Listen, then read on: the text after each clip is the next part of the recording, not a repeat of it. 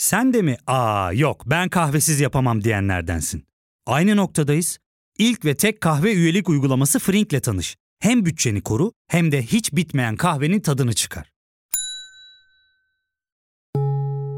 Yakınlarından terapinin onlara ne kadar iyi geldiğini dinlesen de kendin için bir şeylere başlamak zor geliyor olabilir. Ya da sevdiklerine yardım etmeye istekliyken kendi ihtiyaçlarını görebilmek. Hayvel, uzman psikologlarıyla kendi ihtiyaçlarını bulmanda sana destek olacak. Terapi yolculuğuna başlamak için detaylı bilgi bölümün açıklamalarında.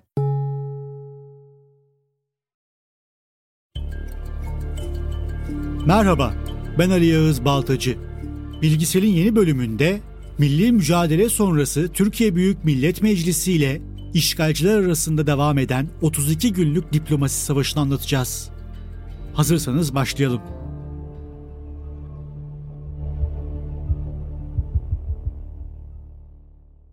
Kurtuluş Savaşı ve milli mücadele dönemine ilişkin farklı maksatlarla çok fazla sorulan bir soru vardır. İngilizler nasıl oldu da İstanbul'u tek bir kurşun atmadan terk etti?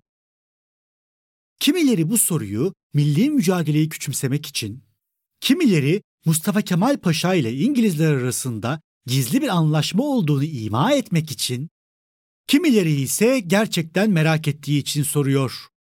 Bizler bu bölümümüzü samimi olarak o dönemi anlamak ve öğrenmek isteyenler için hazırladık. 9 Eylül 1922'de Mustafa Kemal Paşa önderliğindeki ordumuz coşkuyla İzmir'e girdi. Peki ondan sonra ne oldu? İzmir'in kurtuluşu ile Ateşkes Antlaşması arasında 32 günlük bir boşluk var. Peki bu 32 günde neler yaşandı? Yunanistan devre dışında kalmıştı belki ama Birleşik Krallık, Fransa, İtalya ve tüm müttefik kuvvetleri Türklerin zaferini nasıl oldu da kabul etti? Aslına bakarsanız bu 32 günlük süreç en az Kurtuluş Savaşı'nın silahlı safhası kadar büyük bir öneme sahip. Öyle ki İngiliz İmparatorluğu'nun tarihinin en büyük diplomatik mağlubiyetini aldığı meşhur İngiliz diplomasisinin tüm dünyada büyük bir itibar kaybına uğradığı, son tahlilde Londra'da hükümet düşüren bir süreçti bu. Birleşik Krallığın sömürge ve dominyon devletlerinin tarihlerinde ilk kez imparatorluğa açıktan itiraz ettiği ve reddettiği bir milat. Gelin neler yaşanmış birlikte inceleyelim. Büyük Britanya'nın 1919-1922 yılları arasında Anadolu'da izlediği politika daha çok Yunanistan'ın askeri gücüne güvenmek üzerineydi. Kasım 1918'de Osmanlı İmparatorluğu'nu mütarekeye zorlayan ve istediğini alan İngilizler için Anadolu'da filizlenen yeni kurtuluş hareketi düzenli ve kuvvetli ordular karşısında tutulması imkansız gözüken hayalperest bir girişimdi. Bu yüzden Yunan ordusunu sürekli olarak Anadolu içlerine yürütmeye teşvik ettiler. İngilizlerin Kemalistler ismini verdiği direnişçiler, İngiliz lugatına göre Kemal'in çetesi, Kemal'in eşkıyaları, Kemal'in haydutları anlamı taşıyordu. İngilizlere göre Osmanlı teslim olmuş ve tüm gücünü yitirmişti. Sultan ellerinin altındaydı. Bir Osmanlı generali olan Mustafa Kemal'in Anadolu'da büyütmeye çalıştığı direniş de silah soruyla ezilmeye mahkumdu. Bundan dolayı İngilizler, İtalya ve Fransa yavaş yavaş Ankara hükümetiyle ilişkiler kurmaya çalışırken Yunan ordusuna destek vermeye devam ediyordu. Üstelik bu destek yalnızca askeri bir destek olarak kalmıyor, siyasi ve diplomatik sahada da Yunanlıların arkasında duruyorlardı. İngilizler Yunan ordusunu büyük ve güçlü bir savaş makinesi olarak görüyordu. Kemal'in çetesi olarak isimlendirdikleri Milli Mücadele Hareketi ise savaş yorgunu, milis kuvvetlerden oluşan bir avuç isyancıdan ibaretti onların gözünde. İngilizler tüm yatırımlarını Yunan ordusunun Ankara'ya girip Kemalistleri yok edeceği bir senaryoya göre inşa etmişti. Bu yüzden de Türk ordusunun Ankara önlerindeki güçlü direnişine rağmen Yunanistan'a destek vermeyi sürdürüyorlardı. Aklı başındaki Yunan bürokratlar İngilizlerin kendilerine sağladıkları bu desteği yadırgıyorlardı. Çok sayıda Yunan general Anadolu'da bir işlerinin olmadığını, Trakya üzerinden İstanbul'a girmeleri gerektiğini yüksek sesle dile getiriyordu. Ancak İngilizler Yunan ordusunu kesin olarak İstanbul'dan uzak tutmak niyetindeydi. Bundan dolayı siyasi baskı oluşturarak bu yönde görüşleri savunan Yunan yetkililerini birer birer tasfiye ettiriyorlardı. Yunan ordusu için artık tek bir çıkış yolu kalmıştı.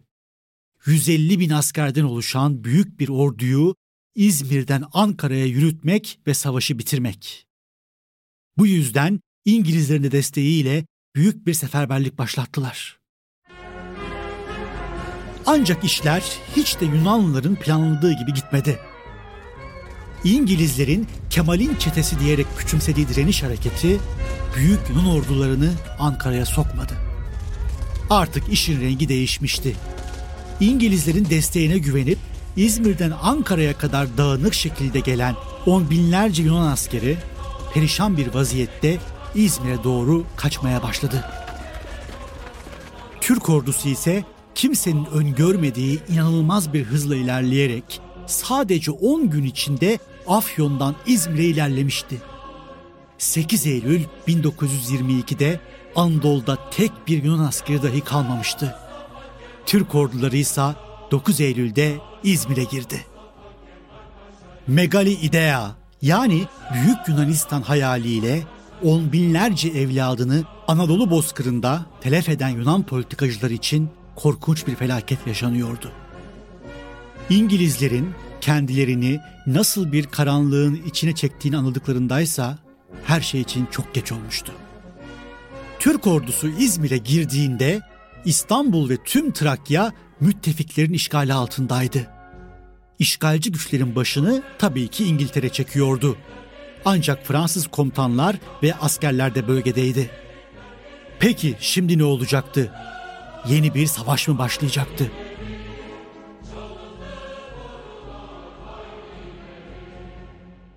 Tam da bu noktada sizlerden kısa bir ara rica ediyoruz.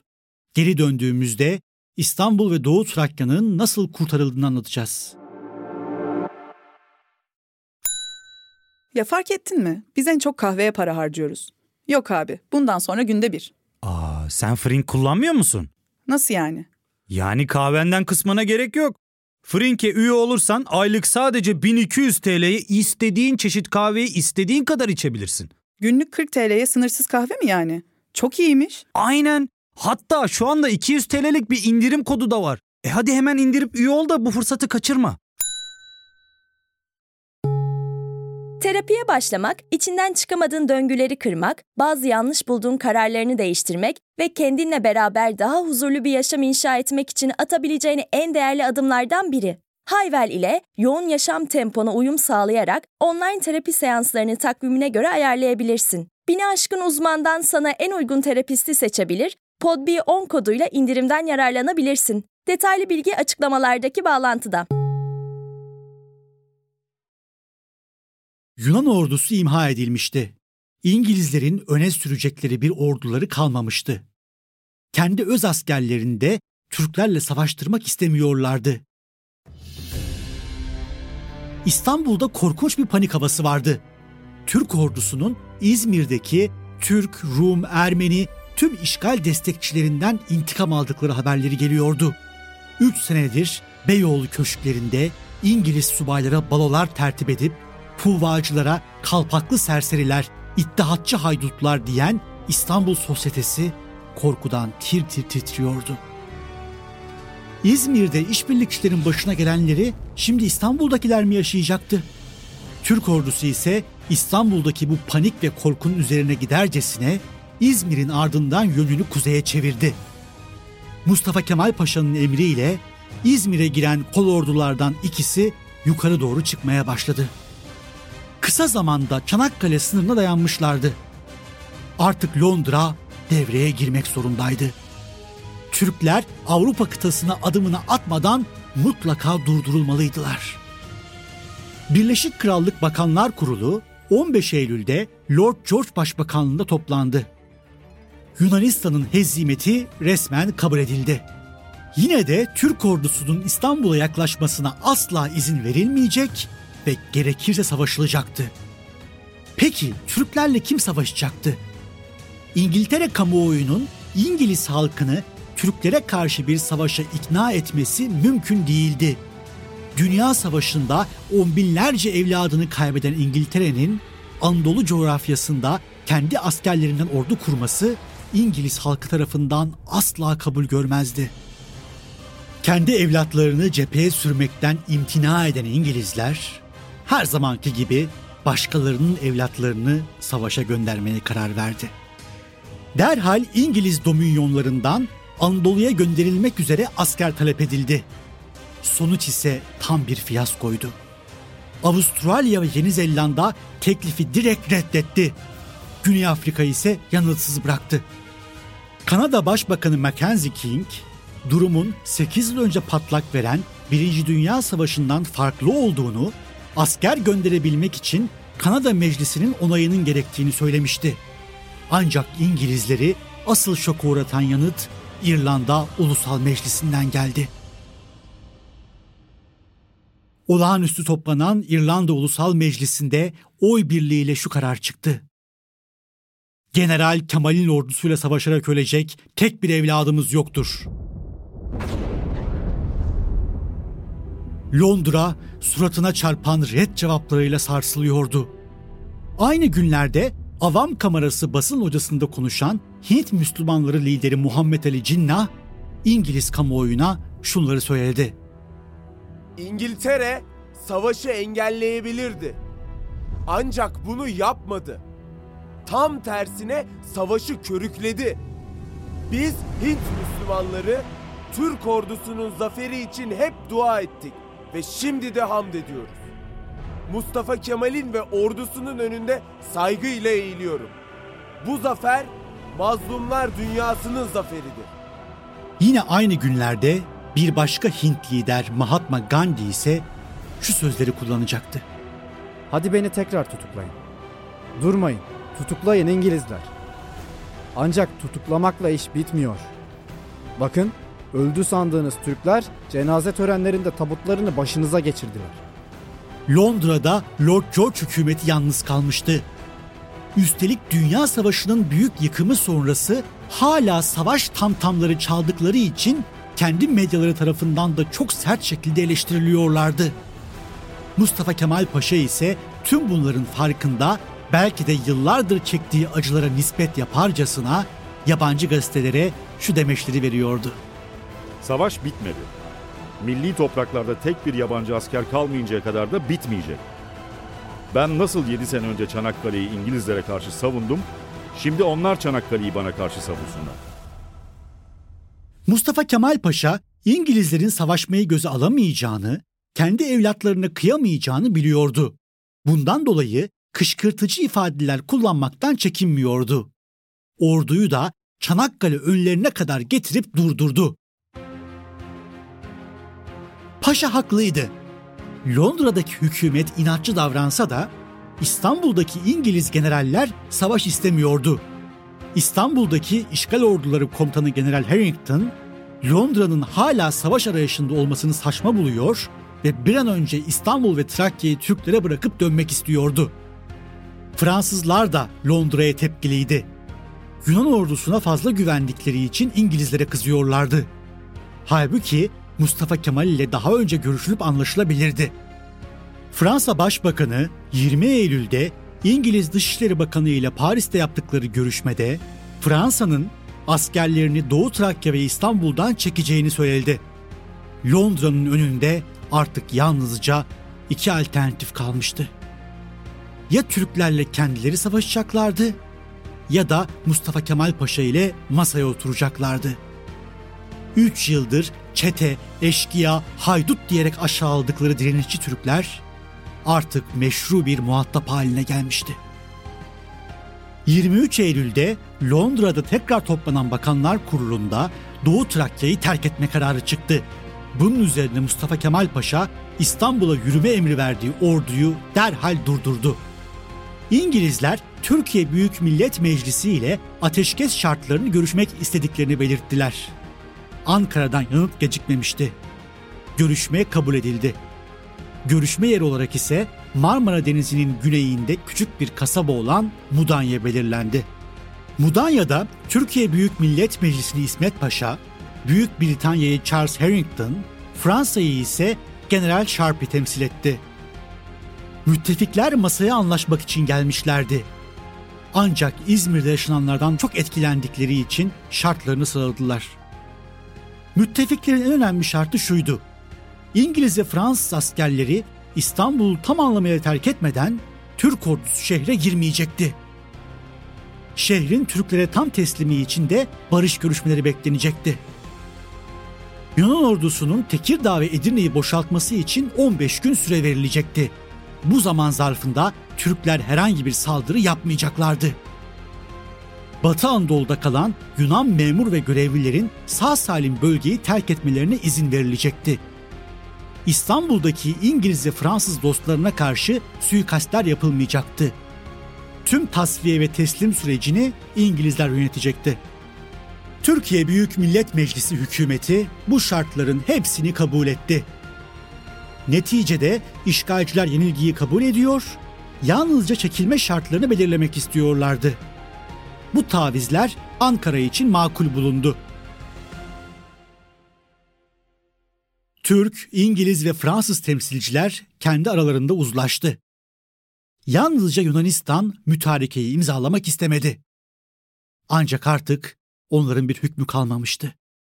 İngilizler tarafından buruşturulup bir kenara atılmışlardı. Mudanya Mütarekesi 11 Ekim 1922'de imzalandı. Böylece 32 gün süren Sinir Savaşı sona ermişti. Ertesi hafta Doğu Trakya'daki çekilme sürecini yerinde gözlemlemek için Ankara'dan Refet Paşa 19 Ekim'de İstanbul'a geldi.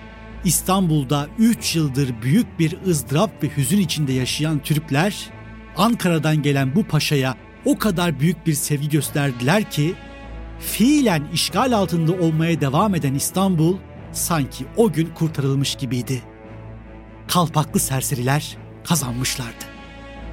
Müttefik kuvvetleri Mudanya mütarekesi sonrası yaklaşık bir yıl daha İstanbul'da kaldılar. Bu süreçte İstanbul'daki dostlarının, destekçilerinin çoğunun güvenliğini sağladılar. Bir kısmını yurt dışına kaçırdılar. Ali Kemal gibi birkaç istisna dışında elbette. Sıkı bir İngilizce olan gazeteci Ali Kemal, İngilizlere güvenerek kalmaya devam ettiği İstanbul'da Beyoğlu'nda bir berber dükkanından kaçırıldı. Ankara'ya götürülürken İzmit'te halk tarafından linç edilerek öldürüldü. İstanbul'dan ayrılan son İngiliz subaylarından biri ise not defterine şunları yazdı. Türk meselesini Türkler kendileri halletti. Lozan Barış Antlaşması imzalandıktan 70 gün sonra 6 Ekim 1923'te Türk orduları coşkuyla İstanbul'a girdi. Bu giriş bazı tarihçilere göre İstanbul'un fethinin bir tekrarıydı.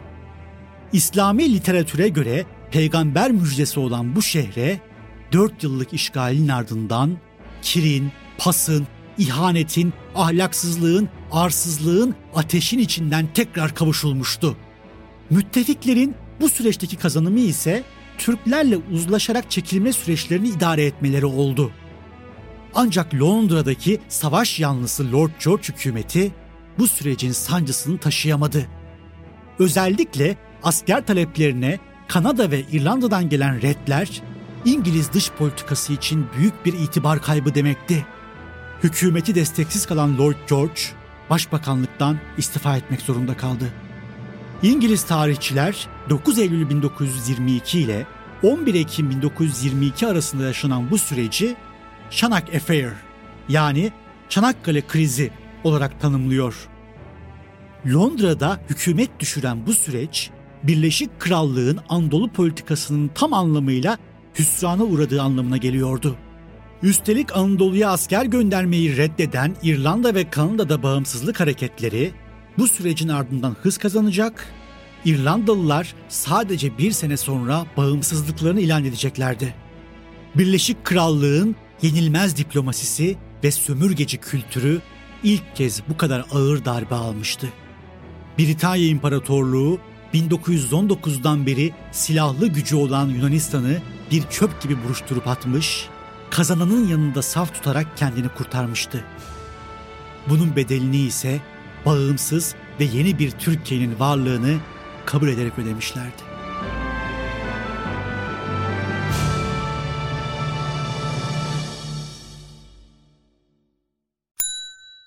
İlk ve tek kahve üyelik uygulaması Frink, 46 ildeki 500'den fazla noktada seni bekliyor.